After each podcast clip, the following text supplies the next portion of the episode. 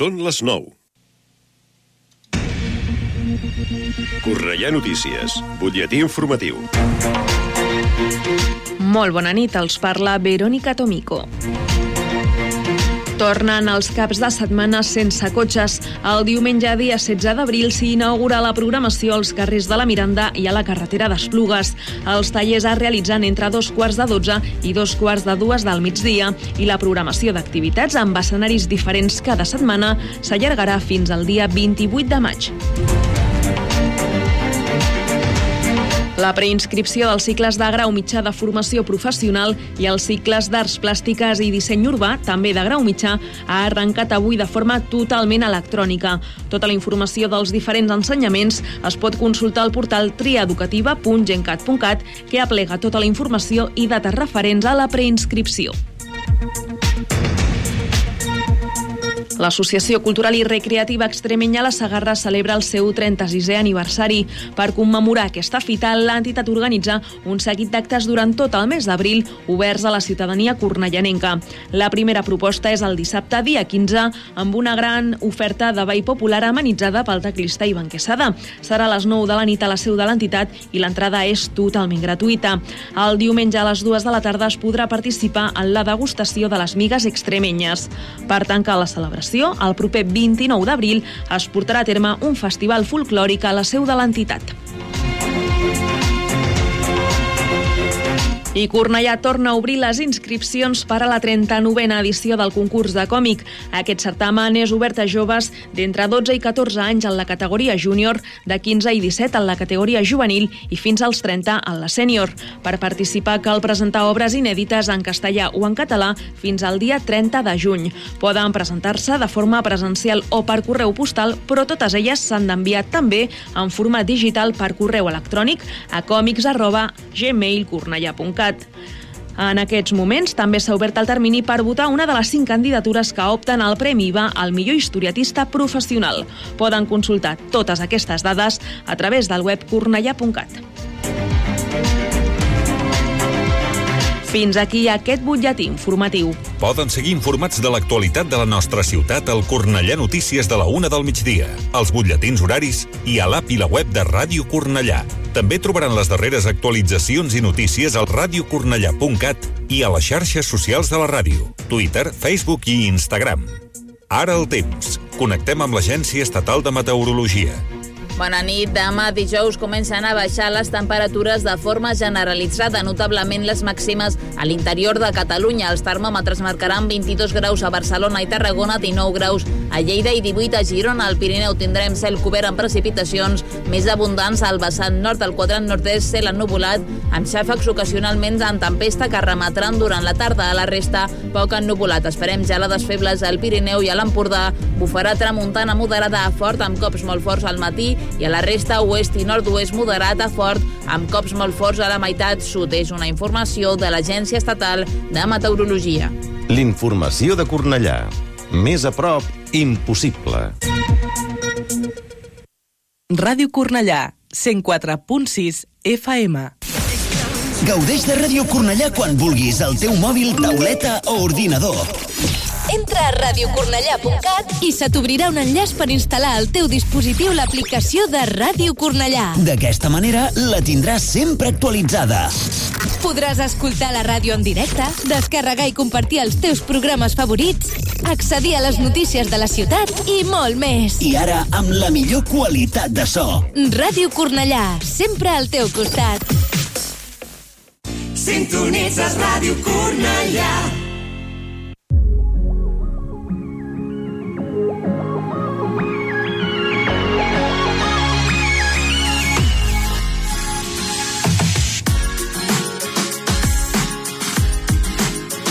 Ara comença Let's Go Creu Roja, mitja lluna roja i cristal roig, amb el patrocini de Conxeroria Montserrat. 21 hores 4 minuts, bona nit, hem començat, o comencem, millor dit, aquest programa del dia 12 d'abril del 2023, després de la Setmana Santa, amb ànim, amb, amb, amb, amb molta força, eh, moltes, després d'haver descansat, i d'haver fet moltes coses. De... Alguns han estat a la platja, tinc entès, altres han estat a la muntanya i altres han estat posant carrers. Sí, de processions. De processions, no? També, Posant sí, carrers. sí, sí. Molt bé. Comença aquí el programa de l'Hora de Cruz Roja. Ja sabeu que és el 104.6 de la FM Ràdio Cornellà i avui parlarem de moltes coses, com sempre. Els titulars del nostre programa és la importància de l'autocura, o sea, la importància de l'autocuidado, eh? Hablaremos de la Cruz Roja y la Diputación de Barcelona que promueven el acompañamiento a las personas mayores para evitar esa soledad no deseada y otras, digamos, y otros alicientes eh, importantes que son la compañía, la comprensión, el diálogo, etcétera, etcétera, etcétera. Los diez mandamientos de turismo sostenible, si recordáis, antes de Semana Santa hablamos de cinco mandamientos de turismo sostenible, hoy los recordaremos simplemente y abordaremos el re- los otros cinco concretamente para que antes de iniciar unas vacaciones o de proyectar unas vacaciones tengas en cuenta que existe el turismo sostenible y que podéis eh, o podéis hacer ese mismo turismo con una serie de ventajas importantes que luego os detallaremos. La conciliación de la vida familiar y laboral es una de las cuestiones también que hoy se ponen eh, sobre la mesa, precisamente para hablar de algo que es muy importante y que cada día, mm, entiendo, eh, que cada día más se está llevando a cabo y creo que es importante porque la falta de eh, diálogo, la falta de, eh, digamos, de conversación, incluso en muchas de las mesas, aun y cuando estemos todos sentados, tenemos un aparatito llamado móvil que no nos permite hablar y, y entonces se resulta de que no tenemos ningún tipo de conciliación. No tenemos ningún tipo de conversación y no tenemos eh, mm, familia, no tenemos estructura. Eh, Eso, es- eso puede ser un problema. Hablaremos también de, o, mejor dicho, jugaremos a las, a las adivinanzas de nuestra compañera Olga Giorgi, que hoy nos dará una nueva adivinanza. Recordad que tenéis un premio importante a obtener de Cruz Roja si acertáis a través de un audio eh, enviado a un número de teléfono que luego os daré, que es el 666 88 88 21 para las personas que acierten la solución a la adivinanza de Olga Giorgi. Detener la transmisión de la tuberculosis es posible y aunque pueda parecer una enfermedad de la Edad Media, hoy en día también existe. Y hay que tenerlo muy en cuenta porque la transmisión eh, tiene que llevarse a cabo o debe de evitarse, de, por decirlo de alguna manera, teniendo en cuenta que eh, la enfermedad existe y que todos tenemos un cierto riesgo a obtenerla o a, o a- transmitirla. Hoy viajamos, como siempre, un apartado de nuestra compañera Mayalén Prieto que nos acompañará por algún punto geográfico. Yo creo recordar que era el- la semana anterior un museo. No sé si eso os da alguna pista. Eh, un museo que estaba en un territorio muy cercano, muy cercano, tan cercano como que parece que esté casi encima. Y, pero hoy sí, hoy nos desplazaremos, hoy cogeremos cualquier medio de, transporte y nos eh, adentraremos en la geografía española para saber dónde, eh, el punto donde viajamos. Y hablaremos de tecnología y salud, los videojuegos eh, y los cinco hábitos para tus hijos, para que tus hijos disfruten de forma saludable de los videojuegos. Una preocupación constante que tenemos los padres de por qué los niños están o cuánto tiempo deben de estar los niños eh, inmersos en esos juegos, porque también tienen derecho a divertirse, pero lo cierto es que hay que tener mesura para todo. Y finalmente hablaremos del mindfulness. eh, descubriremos más o menos qué es lo que es, aunque ya hemos hablado en algún otro programa anterior, para qué sirve y sus beneficios. Estos son los titulares y estos son los consejos de primeros auxilios de Cruz Roja. No t'imagines com de valuós pot ser un gest a la teva empresa. Un somriure que motiva, un senyal d'aprovació que orienta, una compressió al pit que ajuda a recuperar una parada cardiorrespiratòria. Ensenya al teu equip els gestos més valuosos. Informa't i contracta els cursos de primers auxilis per a empreses a cruzroja.es o al 902 22 22 92. Aprèn a salvar vides. La importancia del autocuidado es una preocupación de Cruz Roja. Y es una preocupación del Día Mundial de la Salud y es una preocupación de la OMS, de la Organización Mundial de la Salud. Concretamente, este año, la OMS, Organización Mundial de la Salud, como decía, eligió para la conmemoración el Día Internacional de la Salud el 7 de abril y el tema, o el lema mejor dicho, era la salud para todas las personas. En ese sentido, Cruz Roja trabaja estos días para agradecer al personal sanitario su esfuerzo y dedicación por colaborar en la mejora del nivel de salud de las personas. Sin embargo, también existe la necesidad de cuidarse a uno y una mismos como parte fundamental de la salud, ya que es una parte tan importante como la atención sanitaria profesional que ayuda a prevenir enfermedades y mejorar el bienestar físico y emocional de las personas. Desde Cruz Roja se invita, por tanto, a toda la población a utilizar todos los recursos que tiene a su disposición en abierto y gratuitamente, los cuales van en línea con este objetivo en la web de salud, donde se pueden encontrar desde consejos para promover hábitos saludables y prevenir enfermedades, la web de alimentación consciente con consejos para una alimentación saludable y sostenible, el multicanal de infoprevención de VIH, de ITS y de TBC con información útil y actualizada de VIH y otras enfermedades infecciosas, así como la línea de apoyo psicosocial Cruz Roja Te Escucha al teléfono 900-107-917. Para reforzar esta idea del autocuidado, Cruz Roja ha desarrollado algunos consejos de autocuidado que seguidamente te exponemos. Mantener un estilo de vida activo. Un estilo de vida activo es muy beneficioso tanto para nuestra salud física como para nuestra salud mental. El, el ejercicio desencadena una respuesta química que mejora nuestro estado de ánimo. Una alimentación sana y equilibrada mejora nuestra salud general y, por tanto, nuestra salud mental. Cuida también tus hábitos de descanso. Una mala higiene del sueño nos produce cansancio y perjudica notablemente nuestra salud emocional. Un consumo frecuente de ciertas sustancias puede acarrear problemas de salud y, en muchos casos, provocar trastornos depresivos. Evita o reduce el consumo de tabaco, alcohol y otras drogas. El ritmo de vida estresante al que muchas personas se enfrentan cada día repercute mucho en nuestra salud mental. Muchas veces los trastornos depresivos vienen precedidos de un estilo de vida estresante que nos mantiene en un estado de alto de ansiedad. Relacionate, rodéate de nuestros seres queridos es uno de los grandes factores de protección para la depresión. Vivir encuentros sociales, afectuosos, agradables y divertidos mejoran nuestro estado de ánimo. La próxima semana tendremos más de cinco consejos de salud editados. Ansiedad, insomnio, depresión. Llamar a las cosas por su nombre es de valientes. Pedir ayuda, si lo necesitas, también. Cruz Roja te escucha. Llámanos 900 107 917.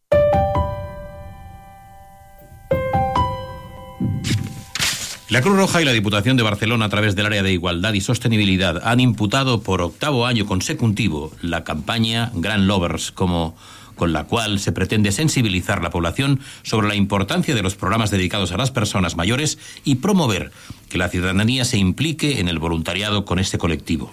El objetivo de, esta, de las campañas impulsadas por Cruz Roja es fomentar la independencia y la autonomía de las personas mayores, detectando y combatiendo situaciones de vulnerabilidad y promoviendo la, participación de usuarios y usuarias en espacios sociales y comunitarios. La demarcación de Barcelona cuenta con 892 personas voluntarias que trabajan para mejorar la calidad de vida de las personas mayores en varios proyectos donde se abordan diferentes problemáticas, que han permitido llegar a 6.755 personas a lo largo del año 2022. El primer objetivo es combatir la soledad no deseada. Los resultados del primer informe del Observatorio sobre la Soledad no deseada revela que 8 de cada 10 personas atendidas por Cruz Roja experimenta algún tipo de soledad no deseada o no querida. Y de estas, un 22% admite sufrir soledad grave o muy grave. El informe también alerta de los jóvenes son el colectivo con los indicadores más altos, donde solo un 20% considera que no está solo. El estudio señala que las personas que sufren pobreza, exclusión y marginación social tienen más posibilidades de sufrir soledad un hecho que también se relaciona directamente con el nivel de ingresos. El estudio se ha elaborado a partir de las encuestas realizadas los meses de febrero a mayo del año 2022, a un total de 1.511 personas atendidas por la entidad. Sorprendentemente, los indicadores más altos se dan entre el grupo de personas con edades comprendidas entre los 18 y los 29 años, mientras que los indicadores más altos de ausencia se dan entre las personas mayores. Con respecto a aquellas personas que pertenecen a colectivos más vulnerables, migrantes, personas con discapacidad, paradas o, por ejemplo, madres monoparentales, presentan unos indicadores superiores a la media. Y a los casos donde confluyen dos o más factores, la soledad aumenta de forma exponencial. Con respecto a la visión de vivir solo, es más desfavorable entre los hombres, y esta diferencia aumenta todavía más con la edad. Así, una de cada tres personas menores de 65 años quiere vivir sola cuando llega la vejez y entre las mujeres esta es la opción mayoritaria. Finalmente, el informe destaca que el 75% de las personas no disponen de ningún tipo de apoyo profesional ni tecnológico para su cuidado o el de la familia. A partir de los 80 años, más de la mitad reciben algún tipo de servicio. El documento también pone de relieve el confinamiento y las restricciones impuestas durante la pandemia provocaron un incremento del sentimiento de soledad y unos cambios en las maneras de relacionarse que tienden a convertirse en habituales. Así, una de cada cuatro personas ha visto incrementado el sentimiento de soledad durante la pandemia, un aumento que ha sido más acusado entre las mujeres de los colectivos más jóvenes y entre los hombres que viven solos.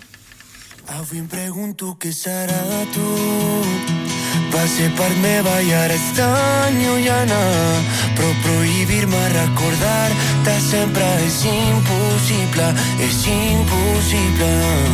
No perdono, de. Ja va expirar tot el que hi sentia. Ser dictador, no deixar-te marxar. Hauria d'haver estat un pacte d'entrada. Quatre anys sense mirar-te Tres postals i aquell bolero Dos mesos i m'oblidaves Ni tan sols t'assabentaves Del 29 de febrer Sento rumors de tu que diuen Que el vent és l'única que escoltes el mateix que mai va fer falta per aixecar la faldilla quan a tu et convenia. Com t'atreveixes a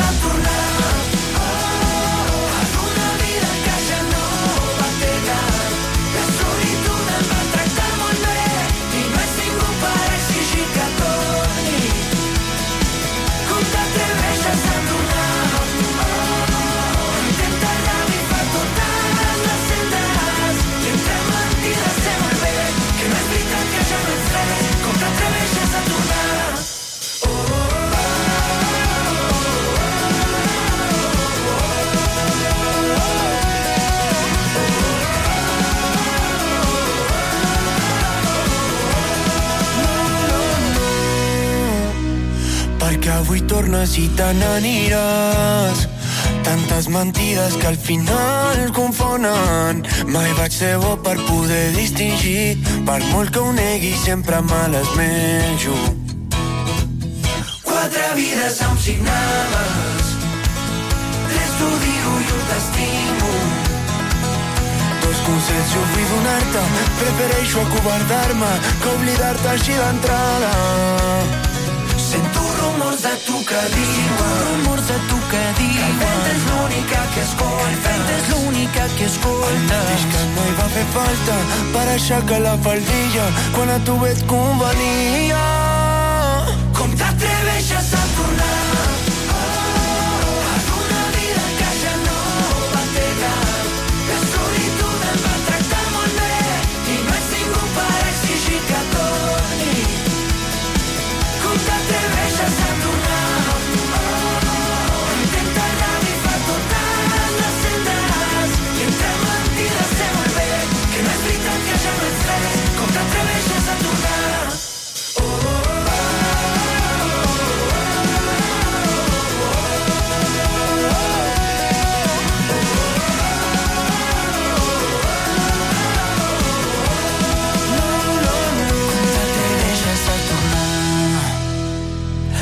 fer mal però aguanto viu i amb forces. Amb tu jo em vaig acostumar a patir. Avui el meu cor batega sense ritme. No!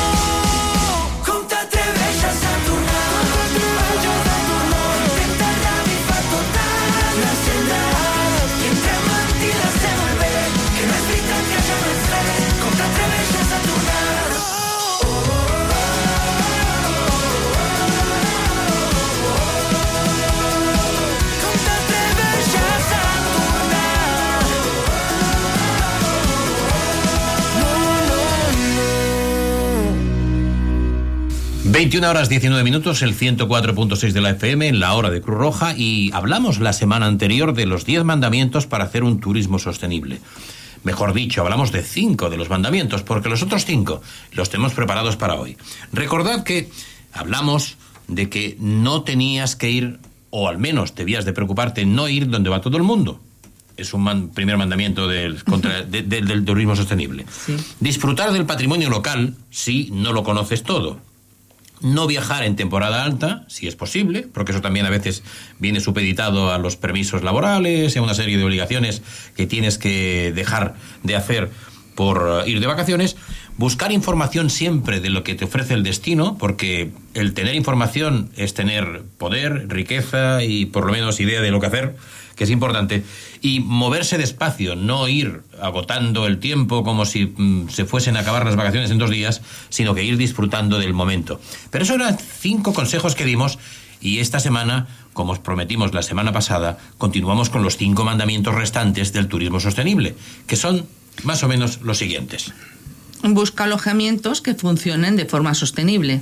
Tendrás que alejarte de las cadenas hoteleras internacionales que te brindan todo tipo de comodidades y lujos para acercarte más a los alojamientos de tipo rural. Este tipo de alojamiento ha encontrado diversas formas de mejorar las experiencias de los viajeros. Por ejemplo, ofreciendo actividades tradicionales como el cuidado de un huerto o atender los animales de su propia granja. Esta es una manera muy interesante de integrarse en el entorno. Así que cuando busques alojamientos que tengan un toque auténtico, no te conformes solo con dormir en una casa rural, sino que busca aquellos que te ofrezcan alguna experiencia o que preparen platos de su gastronomía con productos locales y mucho mejor si son los que se producen allí mismo. Si además se aprovecha, por ejemplo, la leña recogida por la zona para cocinar o calentarse, además de reciclar, la experiencia será completa. También cuidar del entorno, realizar actividades que no requieran contaminar ni causen daños al medio ambiente. Por ejemplo, los lugares con espacios dedicados a los deportes de aventura, los cuales en principio no es negativo para el medio ambiente. El turismo sostenible siempre va más allá del ocio, se basa en aprovechar lo que ya existe para crear actividades interesantes que permiten disfrutar lo que se ofrece sin causar el más mínimo daño. Piensa que todo lo que hagas en un lugar tendrá repercusión en el planeta. Así que merece la pena esforzarse por proteger el entorno que solo está de visita. Reciclar es una actitud, acostúmbrate a hacerlo y verás que encontrarás nuevas maneras de reducir los desperdicios, evitar todo lo, que, todo lo que no es biodegradable y usar un menor número de envases. Aquellos que sí utilices, estamos seguros que lo podrás aprovechar y darle otro uso hasta que su vida útil se termine. A la hora de tirar la basura, hazlo en los lugares indicados para ello. Dependiendo de las ciudades, las reglas de reciclaje funcionan distinto a lo que estamos acostumbrados. Si es posible, infórmate antes o verifica bien al tirar algo a los contenedores para que cumplas con las normas locales. No malgastes el agua. Que no estés en casa significa que el agua que usas podrás desperdiciarla, porque ese agua no lo apagas. La escasez de agua es un problema global que va cada día en aumento. Date una ducha en lugar de bañarte y no dejes que los grifos abiertos. Mientras te escuchas, incluso el agua que uses para beber, si ya no te apetece. La puedes utilizar para otras cosas en vez de tirarla. Por ejemplo, úsala para regar alguna de las plantas, para lavarte las manos o guardarla. Según lo encontrarás en otro uso. No malgastes nada. Cuando vamos de escapadas o viajes, muchas veces se tiende a malgastar por el hecho que ya se ha pagado. Por ejemplo, la comida, que se coge de más y luego se termina tirando. Hay muchos restaurantes, sobre todo los de buffet libre, que están cobrando el peso de la comida que los comensales dejan en los platos para tirar. Es una muy buena medida para que evitemos pedir más de lo que vamos a consumir. El planeta tiene muchos otros problemas, pero uno de ellos es el gran volumen de desperdicios. Debemos ser moderados en el consumo, es algo fácil y que te hará sentir bien como persona. Hasta aquí nuestros consejos para realizar un turismo sostenible y responsable. Te esperamos la próxima semana para seguir comentando más temas de medio ambiente y sostenibilidad.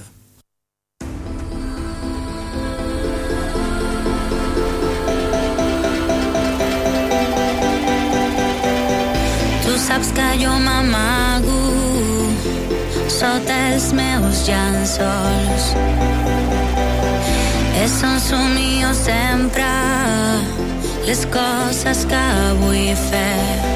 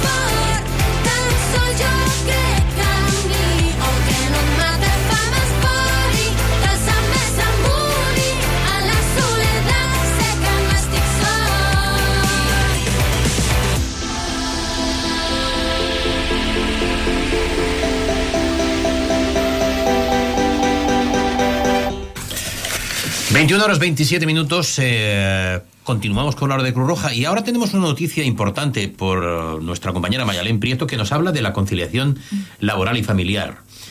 La conciliación laboral y familiar es un concepto que establece que debe existir un balance armónico entre el tiempo que le dedicamos al trabajo y a la vida personal y familiar.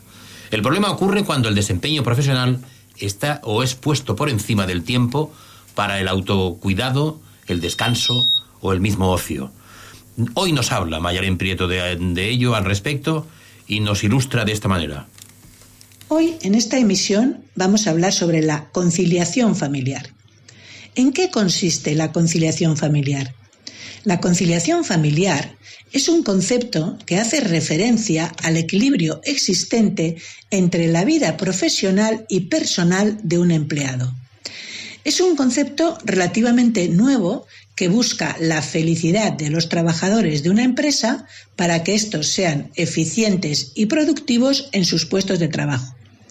En otros términos, conciliar es crear un orden entre la rutina familiar y la jornada de trabajo, ajustándose a los requerimientos de la familia, como pueden ser el cuidado de los hijos, el desarrollo de las actividades domésticas y el cuidado y protección de adultos mayores o personas dependientes de los trabajadores. La conciliación personal, familiar y laboral garantiza que padres y madres puedan acceder al mercado de trabajo y permanecer en él sin que su situación familiar sea un elemento que afecte negativamente a las posibilidades de acceso al empleo o al acceso a puestos de responsabilidad. Es, en esencia, el establecimiento de una relación entre el tiempo dedicado al trabajo y el tiempo que se merece la familia como núcleo de la sociedad. Ahora bien, ¿qué actores están implicados en la conciliación personal, familiar y laboral? Lógicamente, hay diferentes actores que deben responsabilizarse para que el equilibrio en la conciliación se pueda cumplir de manera adecuada. Esto mm, verdaderamente no depende solamente de las políticas de conciliación. Ahora bien, en primer lugar, la Administración pública es responsable de diseñar políticas familiares. Asimismo, la empresa debe aplicar políticas de igualdad e implantar medidas de conciliación laboral, personal y familiar entre sus plantillas. Por otro lado, la familia debe actuar de forma corresponsable, repartiendo equitativamente las responsabilidades domésticas y familiares entre la pareja y entre los hijos si estos están en la edad adecuada de corresponsabilizarse. También es importante la labor de los sindicatos, impulsando la inserción de medidas de conciliación en la negociación colectiva. Y, por supuesto, no debemos dejar de lado la actitud de cada individuo ejerciendo y reclamando el derecho a la conciliación de una manera responsable. ¿Es beneficiosa la conciliación familiar? No cabe duda que la conciliación familiar es beneficiosa, tanto para el empleado como para la empresa empleadora. Algunos de estos beneficios pueden ser, con respecto al trabajador, con respecto al trabajador, podemos decir que potencia las oportunidades de crecimiento, tanto profesional como personal. Refuerza la autoestima del trabajador. Promueve la equidad entre géneros. Favorece la vida familiar y ofrece mejores condiciones a nivel psicosocial dentro de la propia empresa. Ahora bien, con respecto a la empresa, con respecto a la empresa, podemos decir que aminora el absentismo laboral en las empresas como consecuencia de la disminución de trastornos emocionales en los trabajadores. También la aplicación de la conciliación familiar y laboral mejora la imagen de la empresa. Se impulsa activamente a los empleados a hacer la empresa más productiva. Parece ser que las empresas que facilitan la conciliación laboral y familiar de forma habitual a sus empleados consiguen aumentar un 19% su productividad. En definitiva, se consolidan las relaciones laborales. En España existen algunas medidas establecidas por ley que garantizan la conciliación familiar y laboral de los trabajadores. Estas medidas son las siguientes, entre otras como puede ser, por ejemplo, el permiso de lactancia, eh, también el permiso de maternidad y paternidad, el de excedencia para el cuidado de hijos y familiares, el permiso para formación, eh, la reducción de jornada laboral. Eh, también hay otros derechos de conciliación, como pueden ser, por ejemplo, el cambio de turno, el cambio de horario e incluso la posibilidad de teletrabajo. No obstante, hay que mm, aclarar que las solicitudes deben de ser razonadas y probadas y siempre deben de estar de acuerdo a la legislación vigente. 21 horas 32 minutos. Hasta aquí llegó la conciliación de la vida familiar y laboral o laboral familiar. Y como sabéis, la semana anterior tuvimos una adivinanza de nuestra compañera Olga Giorgi de su sección que decía algo más o menos como esto. ¿Qué cosa silba sin labios corre sin pies, te pega en la espalda y aún no la ves. Y nuestros oyentes y nuestras oyentes contestaron con esta solución. Hola, buenas noches. Es el viento. La adivinanza de hoy. Gracias. Hola, soy Pepe Puñal. La respuesta a la adivinanza es el viento. Y esa era la respuesta a la adivinanza. Pero tenemos una adivinanza también eh, para la semana próxima. Y ahora os la ponemos para que prestéis atención. Os damos el número de teléfono. Ya sabéis que enviando un audio al 666 88 88 21 enviáis la solución y tenéis un premio Cruz Roja. El premio, además, podéis recogerlo por la, nuestra asamblea, que está en la calle Rubillos 104 de Cornellá Llegáis, decís eh, el nombre, decís el teléfono, porque como enviáis un audio el teléfono lo tenemos, y automáticamente se os entrega el premio. Felicidades a los eh, premiados y vamos con la adivinanza para la próxima semana. Un platito de avellanas que de día se recogen y de noche se desparraman. Un platito de avellanas que de noche se recogen y de día, o al revés, que de, día se recoge. ¿Lo puedes volver a poner? Sí. Vamos a ver, control. Un platito de avellanas que de día se recogen y de noche se desparraman. Yo creo que tiene algo que ver con la noche y el día, evidentemente. Y ahí está la solución. El teléfono es el 666 88 88 21. La solución a la adivinanza la enviáis por mediante un audio y la semana que viene saldrán los eh, afortunados y premiados con el premio Cruz Roja. 21 horas 34 minutos y tenemos que hablar de algo importante. Decíamos en nuestros titulares que existe un programa especial de Cruz Roja para el tratamiento, para evitar y detener la transmisión de la tuberculosis. Una enfermedad que ya veréis que habla de muchos, muchos miles de años atrás, pero, pero sigue existiendo. La tuberculosis era hasta la irrupción del SARS-CoV-2, eh, que es el, bicho malo, el virus del COVID-19. eh, en el mundo era concretamente la enfermedad infecciosa más mortal del planeta. Todo el mundo ha oído hablar de ella, pero seguimos sin tener del todo claro qué es y cómo afecta. ¿A cuántas personas afecta en España? ¿Cómo se transmite? Y si tiene cura. Para conocer más de cerca esta infección, Cruz Roja ha realizado una serie de píldoras formativas que nos ayudarán a salir de dudas. La tuberculosis es una de las enfermedades infecciosas más antiguas de la humanidad. Se le estima una antigüedad entre 15.000 y 20.000 años, pero es en 1862 cuando Robert Schott identificó la bacteria Mycobacterium tuberculosis, causante de la enfermedad. En el 90% de los casos, la persona se expone a la bacteria, se infecta, pero no desarrolla síntomas, es decir, no enferma y no contagia. Y en el 10% restante, la persona eh, se infecta y sí que enferma y contagia. Esto ocurre cuando hay una bajada de defensas. La tuberculosis se transmite de persona a personas a través del aire. Los síntomas más comunes son tos productiva tres semanas o más, fiebre, hemoptosis, tos con sangre, sudores nocturnos, dolor de pecho y debilidad o fatiga. Existe la prueba de la tuberculina, radiografía de toras, estudios microbiológicos y una prueba rápida, rápida de X, recomendada por la OMS como prueba de diagnóstico inicial.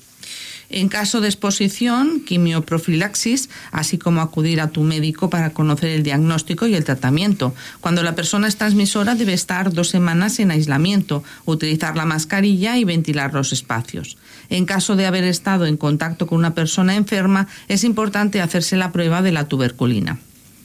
La tuberculosis también es una enfermedad social y puede afectar en base a tu alimentación vivienda, pobreza energética, trabajo, economía La infección tuberculosa tiene una duración de seis meses. El objetivo durante ese tiempo es evitar que dicha infección se convierta en enfermedad y termine siendo contagiosa. En el caso de la enfermedad tuberculosa activa, la duración es de seis a nueve meses. La persona enferma deja de contagiar a las dos semanas de un tratamiento efectivo, pero es importante continuar con el tratamiento hasta el final. ¿Qué tiene que ver el VIH y el COVID-19 con la tuberculosis? Las personas infectadas por el VIH tienen el 20% más de probabilidad de desarrollar tuberculosis activa. Por tanto, ante un diagnóstico de tuberculosis se realiza una prueba de VIH y viceversa. La COVID-19 y la tuberculosis muestran unos síntomas similares. Ambas enfermedades afectan principalmente a los pulmones, pero los agentes biológicos son distintos. De la tuberculosis una bacteria y de la COVID-19 un virus. Cabe destacar que la tuberculosis, a pesar de existir desde hace más de 10.000 años, únicamente presenta una vacuna a diferencia del COVID-19.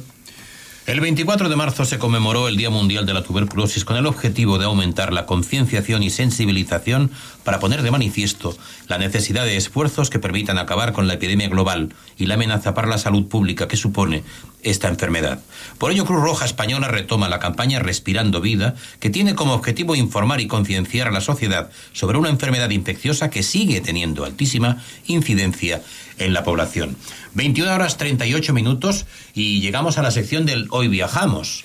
Si recordamos la semana anterior, teníamos un viaje corto, de corto recorrido, pero con mucho conocimiento. Adelante. Hoy nos encontramos de nuevo en nuestro municipio y es algo que es mucho más que un museo. Se trata de un lugar dedicado a una ciencia muy importante y básica para cualquier tipo de investigación y que todos la utilizamos en nuestra vida cotidiana. El objetivo principal de este museo es el de difundir y estimular una imagen social positiva de una de las ciencias básicas acercándolas a las personas a través de experiencias interactivas y actividades de manipulación. Un lugar muy interesante para ser visitado por niños, adolescentes y adultos. Lógicamente, al ser un museo, tiene su horario de apertura y cierre. Sí, sí, este museo está ubicado en Cornellá. Si alguien lo conoce, que llame al número que se os indicará y amplíe la información sobre el mismo y motive a visitarlo a quien no lo conozca. Lógicamente, debe indicar su ubicación. Las experiencias interactivas favorecen el aprendizaje, tenerlo muy en cuenta. Y nuestra oyente afortunada nos contestó que la solución era esta. Y la respuesta al lugar es Museo de las Matemáticas en Can Mercader. Museo de las Matemáticas en Can Mercader. Nuestra afortunada tiene ese premio también para recoger en Cruz, Roja, ya sabéis. Y eh, el Hoy Viajamos tiene concretamente este argumento, tiene esta ubicación, para que eh, vayáis centrándoos en el mapa y nos, nos deis la solución a través del audio como se hace con la adivinanza de Olga Giorgi, y del 666 88 88 21. Vamos a ver dónde viajamos hoy. Hoy vamos a viajar a un lugar donde su acueducto conduce las aguas del manantial de la Fuenfría, situado en la sierra cercana a 17 kilómetros de la ciudad, en un paraje denominado La Acebeda. Recorre más de 15 kilómetros antes de llegar a la ciudad.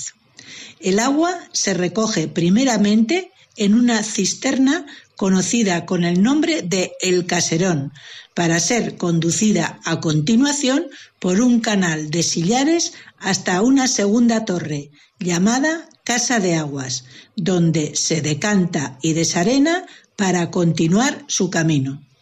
Su construcción data del siglo II después de Cristo y ha llevado agua al municipio que tenéis que descubrir hasta 1973. ¿De qué acueducto se trata? Ya no doy más pistas. Llamar al teléfono que se os indicará dando el resultado.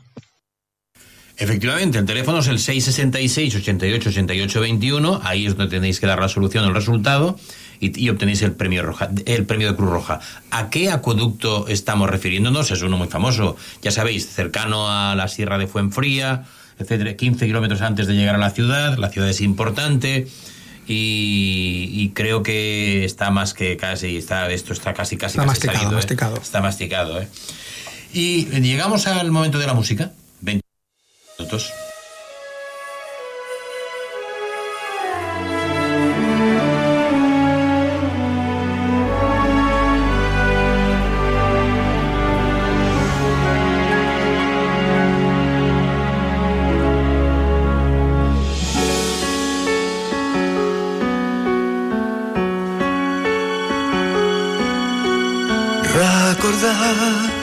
i sempre quan jo em sento el sol i perdut, sense tu al meu costat. Recordar, ara i sempre que jo em sento tan enfonsada i les llàgrimes omplen els meus ulls. Recordar, ara i sempre que jo perdo el nord a la vida, sempre vull pensar que tu és el consol. Recordar, ara i sempre que les pors s'allunyen de mi buscant la pau en el fons dels teus ulls. Recordar sempre.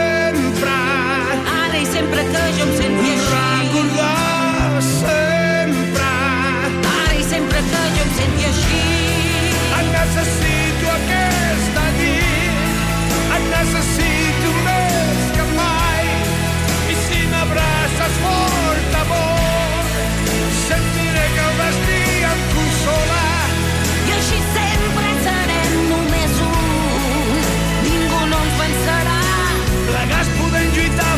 s'acabi la nit. Plegats podem lluitar perquè no arribi al final. Jo no sé què fer si tu no estàs amb mi. Cegues el camí és sempre fred i dur. Et necessito, però meu, d'aquí fins a l'eternitat. D'aquí fins a l'eternitat. Ja molt de temps jo em vaig enamorar i ara em trenco a trossos per tu. Mi aquest eclipsi del cor.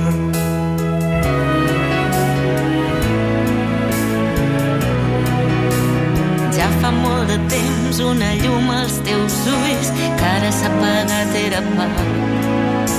Només viu en mi aquest eclipsi del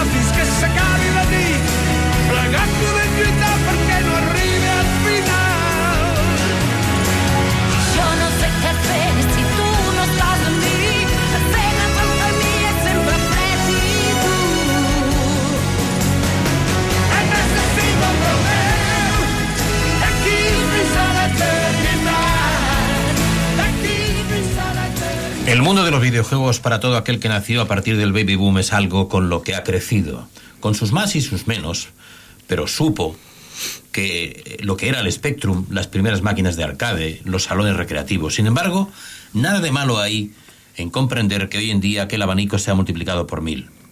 Y eso no significa que los videojuegos, que los videojuegos, si se utilizan de una manera responsable, no puedan ser una buena alternativa de ocio para nuestros hijos. Por eso dimos o hablamos de cinco hábitos la semana anterior, antes de la Semana Santa, mm, para los niños, para que los niños disfruten de los videojuegos de forma saludable. Y en esos cinco hábitos hablamos de activar el control parental. Todas las videoconsolas modernas, así como los ordenadores, dan opciones en sus ajustes para que los padres puedan activar diferentes opciones de interacción con las que controlar qué, cómo y cuándo se juega. Con ellas se le puede limitar el tiempo de juego activando un máximo de horas o incluso el acceso a ciertos contenidos también para ser testigo de sus frustraciones o de si está haciendo un uso correcto del videojuego, incluidos enfados, pataletas u otro tipo de emociones negativas. Por este motivo es conveniente que veamos cómo juegan para controlar estos estados y sobre todo que nuestra intervención no suponga eliminar el componente videojuegos cuando estas situaciones se den, sino que se haga desde la interpelación y relativización. Amén de estas funciones, siempre es necesario que cualquier adquisición eh, pase antes por el filtro parental, ya sea por no dar al hijo plena disposición de la tarjeta de crédito para la compra de videojuegos, de las temidas loot boxes eh, o del DLC del contenido descargable o para evitar que juegue en las horas que no queremos que lo haga. En este caso, además es importante que no exista un cuarto de juegos estando eh, como tal en niños muy pequeños o preadolescentes, sino que sacar la consola suponga un momento familiar que tendrá inicio y fin, no convirtiendo su PlayStation o su Xbox en un electrodoméstico más de nuestro salón. Conoce con quién juega, igual que pretendemos conocer quiénes son sus amiguitos del cole, sus amigos del barrio o los amigos de las clases extraescolares. Conviene saber con quién está jugando nuestro hijo y saber si detrás de ese niño realmente hay unos padres que se preocupan como nosotros o no. La creciente demanda de videojuegos online y las plataformas de streaming exponen a nuestros hijos a comportamientos que no siempre podemos controlar, incluidos lenguajes malsonantes o amenazas. Por ese motivo es conveniente que podamos poner cara en la medida de lo posible a las personas con las que interactúa a través de los videojuegos. Es muy habitual que sean las mismas personas que le rodean en su día a día y eso debemos tenerlo en cuenta, pues su ocio e interacción ya pasa casi necesariamente por las pantallas, pero no todo el mundo pertenecerá a ese círculo reducido. Por ese motivo, saber quién se esconde detrás de los alias de nuestros hijos es fundamental para garantizar su seguridad digital. Como en cualquier otro tipo de divertimento, el uso de videojuegos debe venir asociado a una respuesta positiva a las responsabilidades que los niños tengan en su vida cotidiana. Hacer los deberes, estudiar, ayudar en casa, tener un comportamiento positivo con sus hermanos, compañeros o padres. El uso de videojuegos, del mismo modo que cualquier otra distracción, ha de estar vinculado a ciertos patrones de buen comportamiento.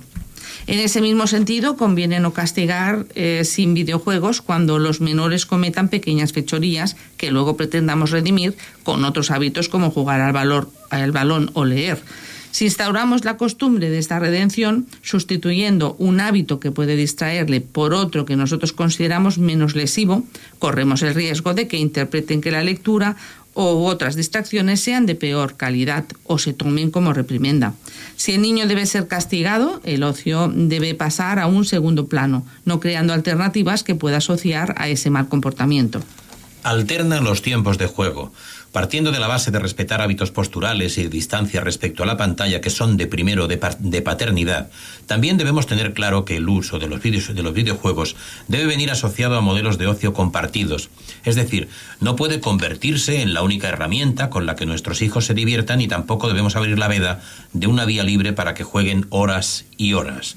Siempre con control paterno presente en la sala que el niño juegue e incluso desde la interacción, las opciones deben tener en cuenta que demos tiempo de descanso entre sesión y sesión, que pueden estar acotados entre 45 minutos y una hora, poniendo impases de unos 15 minutos entre cada una de ellas, para que merienden, estiren las piernas, se despeguen de la pantalla y hagan otras cosas. También está en nuestra mano utilizar el videojuego como un refuerzo positivo y limitar su uso a los fines de semana, que permitirá también apreciar el carácter lúdico de estos sacándolos de los días laborables. Los videojuegos tienen diferentes formas y condiciones y eso debemos hacérselo entender a los hijos y debemos comprenderlo nosotros mismos. Igual que igual de videojuego es jugar al Brawl, Stars en el teléfono que poner Minecraft en la PlayStation o encender Fortnite en el ordenador. Incluso que poner un vídeo en YouTube donde nuestro hijo esté viendo a su streamer favorito dando consejos para algún videojuego.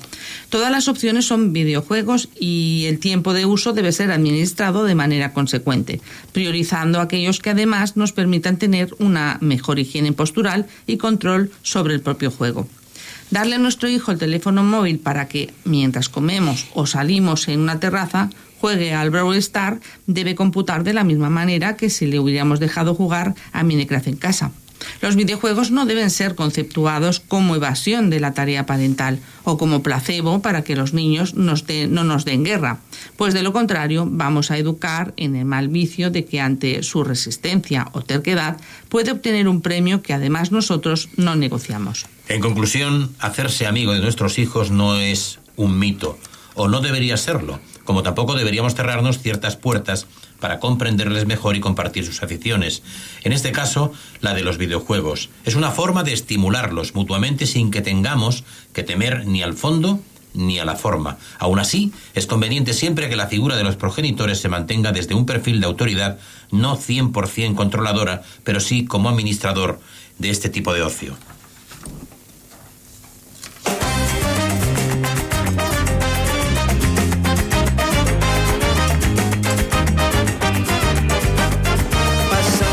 Tempesta, acaba sortint el sol. Passada la foscor, ens il·lumina un nou amor. Passat un terratrèmol que comou l'interior i un paisatge nou ens descobreix la passió. Passada la sequera i la tortura de la set, aquest ressec hermot es converteix en un verger. Brolla una aigua cristal·lina entre les pedres de l'ahir i un nou horitzó porta una albada radiant. Gràcies, gràcies, com. Gràcies, gràcies, com. La fe la vida i en l'amor m'ha retornat. El passat se'ns enfondra el record.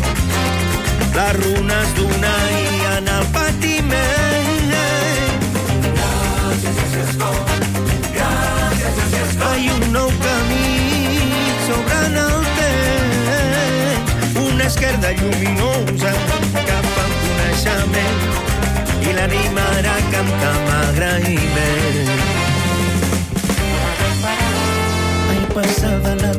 Tempesta, acaba sortint el sol. Passada la foscor, ens il·lumina un nou amor. Passat un terratrèmol que comou l'interior, un paisatge nou ens descobreix la passió. Gràcies, gràcies. Gràcies, gràcies. La fe en la vida i en l'amor m'ha retornat. Vamos a descubrir qué es mindfulness, para qué sirve y sus beneficios. Es el estado de conciencia que surge de prestar atención en el momento presente. Por ese motivo también se le conoce como atención plena. Es un término introducido por Joan Kabat-Zinn en 1990 para definir la práctica meditativa donde se ejercita la conciencia, prestando plena atención a la experiencia con una actitud de no juzgar, de desarrollar la paciencia, de tener la mentalidad del principiante, es decir, de curiosidad, desarrollar la confianza, actitud de no esforzarse, de aceptación, de apertura, una actitud no reactiva, independientemente que se presente de forma agradable o desagradable. Requiere de constancia y fuerza de, y fuerza de voluntad. Es una disciplina para callar la mente, para liberarla de las preocupaciones diarias y de los pensamientos. De esta forma, reeducamos, entrenamos la mente poniéndola a nuestro servicio y no a la inversa. ¿Qué nos aporta el mindfulness? Por la salud mental, emocional y física. ¿Y el por qué? Pues aumenta la sensación de bienestar y la felicidad. Estimula el área de cerebro relacionadas con la felicidad. Desarrolla la inteligencia emocional y la empatía. Reduce el estrés la ansiedad y la depresión. Estimula el sistema inmune y los mecanismos de defensa y autocuración. Reduce la hipertensión. Proporciona mayor conciencia. Aumenta la creatividad. Potencia, potencia la concentración y la memoria. Incrementa las capacidades intelectuales. Ayuda a conciliar el sueño y reduce el dolor tanto físico como emocional. Las claves del mindfulness están en enfocar la mente en un solo objeto, por ejemplo, en nuestra respiración, en un escaneo corporal o en un sonido. Estado de concentración absoluto donde el bullicio de la mente se detiene. Estado de paz en el que la mente se libera de sus propios pensamientos. Y ahora os vamos a dar algunos de los datos curiosos de los ejercicios. Los últimos estudios realizados a través de la encefalogramas demuestran que según avanzada la meditación en profundidad, nuestro cerebro pasa por varias etapas. Ondas beta, etapa de concentración. Ondas alfa, es la etapa de la relajación y creatividad. Ondas delta, etapa de una meditación avanzada, sueño profundo sin dormir. Un estudio de la Universidad de Yale concluyó que los practicantes de meditación a lo largo de su vida desarrollan una red neuronal con la que tienen mayor conciencia de sí mismas y del presente y menos ensoñaciones, es decir, menos ilusiones. La Universidad de Wisconsin concluyó que Matthew Richards, monje budista, es el hombre más feliz de la Tierra, gracias a que la meditación agranda las áreas del cerebro reservadas a la felicidad. La Universidad de Harvard determinó que la meditación reduce la hipertensión arterial y estimula el sistema inmunológico. Para notar los beneficios del mindfulness es necesario el compromiso diario, una rutina, una disciplina a través de la cual se convertirá en una, una prioridad para ti. Podemos eh, hacer algunos preparativos y consejos, quizá para meditar o para practicar el mindfulness. Un buen momento para meditar sería nada más levantarse o antes de acostarse. Acondiciona una sala en casa, en el jardín o en algún espacio que dispongas de cierta amplitud e intimidad, donde por unos minutos no haya ninguna interrupción. Pro procura que sea un espacio limpio, aireado, que te inspire calma y serenidad. Se puede meditar en cualquier postura, aunque la del loto es la más indicada por la colocación de la columna vertebral. Si te resulta incómoda o no puedes mantener la espalda recta, puedes apoyarte con cojines o mantas o sentarte en una silla con la, la, espalda recta pero no rígida y apoya tus manos encima de tus piernas con las palmas hacia arriba. Si de todas formas sigues notando incomodidad, utiliza cualquier postura que te resulte agradable, pero que no te incite a dormir. Si te duermes pierdes la conciencia y el ejercicio no será válido ni útil, ya que en este caso no existe el entrenamiento mental. Agotamos el tiempo, agotamos el tiempo de la semana y no tenemos más que despedirnos hasta la semana que viene, hasta el próximo miércoles. Un abrazo a todos. Gracias Rosa María, gracias Emilio. Gracias. Gracias Marc. Gracias a todos los oyentes. Qué bárbaro.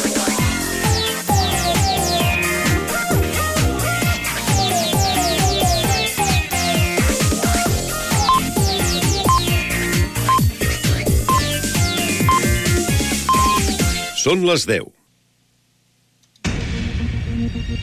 Correia Notícies, butlletí informatiu.